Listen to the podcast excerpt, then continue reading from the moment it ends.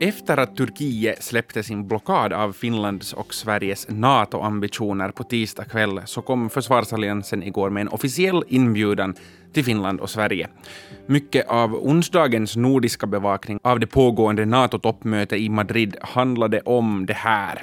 Och I det här avsnittet av Nyhetspodden ska vi titta lite närmare på toppmötet och vad som Finlands och Sveriges nytagna steg mot medlemskap innebär. Jag heter Simon Karlsson och med mig har jag svenska Yles Europakorrespondent Mette Nordström som befinner sig i Madrid. Mette, om vi börjar med det som direkt berör Finland. Hur sammanfattar du betydelsen av den här upphävda turkiska blockaden och den här formella inbjudan för Finland och Sverige att gå med i NATO? Vad, vad händer nu?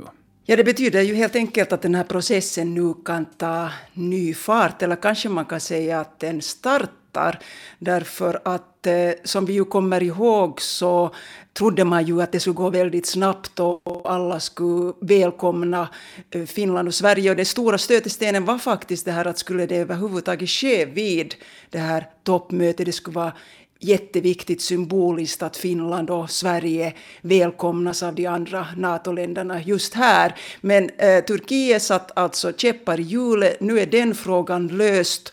Och det betyder att följande steg är att anslutningsprotokollet ska undertecknas. Det kommer inte att undertecknas nu här i Madrid utan det kommer, att göra, det kommer man att göra här nu in, kommande dagarna. Det är lite oklart ännu den här tidtabellen. Och vad betyder då det att man ö, undertecknar ett anslutningsprotokoll? Det betyder att, att Sverige och Finland får en ändrad status. Vi har ju varit partnerskapsländer, men nu blir vi så kallade invitees, ett inbjudet land, två inbjudna länder. Och det betyder sen å andra sidan att, att man kan under den här statusen så kan man vara med om mötena mycket i större grad än tidigare. Och sen om vi tittar på vad som händer sen efter det så eh, är det de så kallade anslutningsdiskussionerna. Det är alltså inte förhandlingar, det är inte som EU, att man förhandlar och försöker reformera och, se, och, och, och, att det ska vara en lång process, utan man går helt enkelt igenom olika sektorer som, där man ska uppfylla kriterierna. Det handlar förstås om annat också än försvar. Det handlar om, om demokratisk utveckling och, och överhuvudtaget flera samhällssektorer.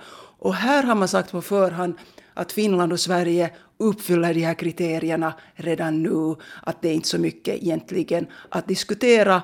Man ska ganska snabbt gå igenom det här och sen kommer man in på det här som kanske går lite långsammare och det är ratificeringen i 30 länders parlament, 30 medlemsstaters parlament. Alla ska alltså godkänna det.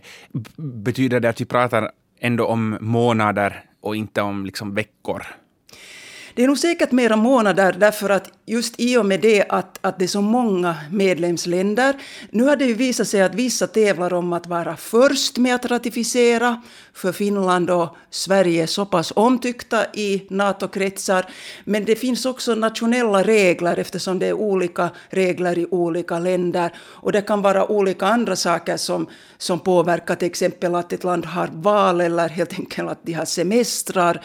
Eller så här. Så det finns olika bedömningar hur snabbt det kan gå, men eh, kvalificerade bedömningar säger att, att, att vi kanske är medlem redan på hösten, men senast under det här året. Det här är sådana bedömningar som jag har hört här. Mm. Nå, um, vi vet att Natos generalsekreterare Jens Stoltenberg har varit mycket, mycket ivrig över att det här nu går vidare. Men um, hur påverkas Nato av att man då sannolikt får två nya medlemmar och en över tusen kilometer lång ny gräns mot Ryssland. Och Ryssland, eh, som nu också igen väl får sägas, är det uttalat största hotet mot NATO-länderna. Ja, här åtminstone i NATO-kretsarna så säger man ju förstås att, att eh, Finland och Sverige är väldigt välkomna därför att det är fråga om välutvecklade rika länder med väldigt kompetenta arméer, eh, arméer och Finland och Sverige är ju redan djupt integrerade i NATO-samarbete på grund av att man har varit i 20 års tid har man varit del av, av partnerskapssamarbete och överlag så har det ju gått stegvis till ett, en, ett djupare samarbete. Så det som sägs här att, att det förstärker, det här medlemskapet förstärker Finlands och Sveriges säkerhet men också NATOs säkerhet. Och då handlar det om Östersjöområdet som nu kommer att vara helt omringat av NATO-länder förutom då enklaven, den ryska enklaven Kaliningrad. Och eh, vad man fokuserar främst på är att vad kommer Finland och Sverige att bidra med? Så det handlar ju om att förstärka det som man kallar den östra flanken och framförallt Baltikum. Vi har ju märkt säkert också att de baltiska länderna har varit väldigt eh, positiva till Finlands och Sveriges eh, medlemskap. För de ser det ju som en, som mindre länder så ser de ju det som en trygghetsfaktor att, att två större länder i samma område kommer med. Men inte bara Baltikum och den östra flanken utan, utan man säger också här att att Finland och Sveriges eh, medlemskap skulle också innebära att Nato förstärker sin närvaro på de arktiska områdena arktiska områden som ju också då eh, är en del av Rysslands strategiska sfär, så, så det har ju absolut sin betydelse. Men det är inte Ryssland som har varit de som har satt mest emot ett finskt och svenskt NATO-medlemskap, utan det är Turkiet. Och i Finland och i allra högsta grad i Sverige så har nu en del kritiska röster höjts över att man har slutit ett avtal med Turkiets auktoritära president Erdogan Bland annat eftersom en av Erdogans stötestenar handlar om kurdiska organisationer som han ser som terrorister. Och många kurder, inte minst i Finland och Sverige, är nu oroliga över att de finska och svenska rättsstatsprinciperna äventyras. Men sen så viskas det också om USAs roll i förhandlingarna. Eh, hur har snacket gått kring det här avtalet med Turkiet? Har det, har det pågått någon slags skumraskaffärer eh, med USA i kulisserna? När Turkiet kom med sina första invändningar mot Sveriges och Finlands medlemskap så, så var det ju var folk väldigt förbryllade därför att Turkiet hade ju gett en signal att, att, att de var helt med på noterna. Och då funderar man ju genast att, att vad är det egentligen som Turkiet vill. Eh, jag måste säga att, att när president Niinistö här i början av veckan eh, när NATO-mötet inleddes, när han höll en, en presskonferens eh, för finländsk media och skulle då hålla det här eh, träffen med Erdogan tillsammans med Magdalena Andersson och, och Jens Stoltenberg så sa han att, att han ser fram emot att, att få reda, reda på var skon klämmer. Han hade alltså det här mm. uttrycket. Och det betyder att så sent in på, på, på, på den här Madridmötet så var det inte riktigt klart egentligen att, att man sa att Turkiets eh, eh krav var väldigt eller invändningar var väldigt allmänt hållna. Och det betyder alltså att, att man i ett ganska tidigt skede har börjat fundera på att vad ligger bakom det här och då var det också lika tidigt skede så talar man om de här jaktplansaffärerna. Det vill säga att eh, Turkiet vill köpa F16 jaktplan av USA. Men USA har haft invändningar mot det här därför att Turkiet tidigare köpte luftvärnssystem av Ryssland. Och det är den här frågan som nu har spökat här i bakgrunden. Det som USA har sagt under den här processen med Turkiet så har man sagt att, att man tänker inte vara en medlare. Det här är Finland, och Sverige och NATO som får diskutera direkt med, med Turkiet. Men det kommer ju bit för bit så kommer det mera fram uppgifter om Bidens roll i det hela. Det finns också amerikanska uppgifter som, som refereras i bland annat finländsk eh, press. Det är kanske en sak som man samtidigt måste komma ihåg att, att USA är ju Natos ryggrad, både när det gäller militärt och när det gäller finanserna. Och det är nog inte så hemskt mycket som händer i, i Nato utan att USA vet om det. Och vi har ju också, eller överhuvudtaget också påverkar, och vi har ju också sett att det här finländska NATO ansökan, medlemskapsansökan, så den har ju haft en, en Niinistö har ju haft en väldigt nära kontakt, den finländska statsledningen har haft en väldigt nära kontakt med, med Vita huset och president Biden. Och vi har också sett hur Magdalena Andersson har tillsammans med, med Niinistö besökt Washington. Så här finns ju helt klart den här kopplingen. Exakt vilka Eh, löften som har getts. Så det finns ju olika tolkningar och det kan, vi, det kan man sen relatera till de här olika eh, tidningsuppgifterna. Men det sägs nu att, att det finns liksom signaler från Washington att i och med att Turkiet rodde den här överenskommelsen i, i hamn, eller att man tillsammans med Turkiet fick den här överenskommelsen, så signalerar Washington att, att okej, okay, att vi kan hjälpa er att modernisera er armé. Men sen samtidigt så måste man också komma ihåg att, att det är kongressen som ska godkänna Eh, jaktplansaffärer, så de har det sista ordet. Nu handlar det här toppmötet i Madrid inte bara om Finland och Sverige.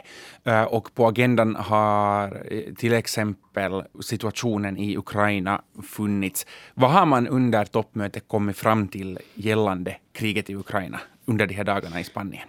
Hela Natos existens präglas ju nu mycket av Rysslands anfallskrig. Det är ju därför som man ser över såväl strategi som försvarskapacitet och försvarsbudgetar. Och det är därför som det också sägs att det här mötet här är historiskt därför att man måste göra så stora förändringar.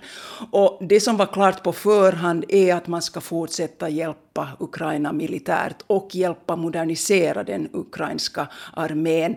Eh, Zelensky, eh, den ukrainska presidenten, har sagt flera gånger att, att eh, man får inte tillräckligt snabbt hjälp. Och Stoltenberg å andra sidan har svarat att det tar tid att övergå från en Sovjettida armé, som han har uttryckt sig, till mm. en modern armé. Så det här finns eh, uttalade, en uttalad vilja och en uttalat stöd för Ukraina eh, i olika former militärt, alltså man fortsätter med det. Samtidigt så har man ett sånt här hjälppaket, ett biståndspaket som, som specifierat här, eh, som man säger då att, att, att ska gå till Ukraina. Så att, så att det finns här med, men det finns ju väldigt många andra saker också på det här mötet. Gällande den här finska och svenska NATO-medlemskapsprocessen så sa president Niinistö att man sänder absolut inga budskap till Ryssland i och med det här avtalet med Turkiet. Men har det här toppmötet riktat några kängor i riktning Kreml? Absolut, och hela det här äh, att man förnyar det strategiska konceptet, det har ett lite krångligt namn det här strategiska konceptet. Det är liksom ett måldokument eller ett arbetsdokument. Det är det viktigaste dokumentet efter det här grundande fördraget, Natos grundande fördrag. Och det är ett sånt här tioårsperspektiv där man tittar på att, att vad är liksom syfte och mål och vad ska man rikta in sig på. Och nu var det ju det intressanta att det förra äh, strategiska konceptet så, så eh, var alltså vid Lissabonmöte 2010 och eh, där så utlyste man ju att, eh, eller då betecknar man Ryssland som en, som en partner. Och eh, här gör man ju en hel omvändning och i det här strategiska konceptet säger man nu att eh, Ryssland utgör hotet nummer ett. Och det intressanta är också att man första gången nämner Kina inte som en fiende, men som ett potentiellt hot och som ett land som man måste hålla ögonen på. Också på grund av eh, Kinas eh, militära upprustning, Kinas eh, utbyggande av infrastruktur också i NATO-länder, Kinas eh, övervakning av sina medborgare med eh, avancerad teknologi. Och sen så ser man också att Kina sprider rysk falsk information och det finns väldigt nära kontakter mellan Peking och Moskva. Så man ser den här kopplingen som Kina som ett, ett, ett växande, förstås ett gigantiskt land, eh, men ett växande hot. Men Ryssland är det absolut uttalade hotet nu. Nato kavlar alltså upp ärmarna gentemot eh, Ryssland och Kina. Fanns det några andra problem som några medlemsländer lyfte upp som man antingen ältade eller inte ältade? Ja, här är ju intressant också det att vi talar ju hemskt mycket om Finlands och, och, och Sveriges NATO-framtid, men här finns ju väldigt många andra saker som har kommit fram. Det som kanske är viktigast är här att, att eh, USA har lovat att väldigt, eh, göra väldigt betydande förstärkningar i Europa.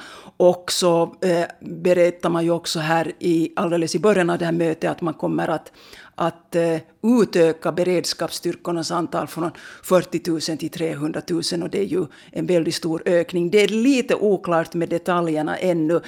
Sen så är det ganska intressant också att till exempel de här sydeuropeiska länderna så vill gärna tala, inte om den nödvändigtvis den östra flanken, utan om den södra flanken och det betyder alltså Afrika. Och de potentiella hot som håller på att, att växa fram där det handlar dels om också Ryssland och Kina, hur de är involverade i Afrika. Vi vet att det finns legosoldater, ryska legosoldater i Afrika, bland annat det är ett hot.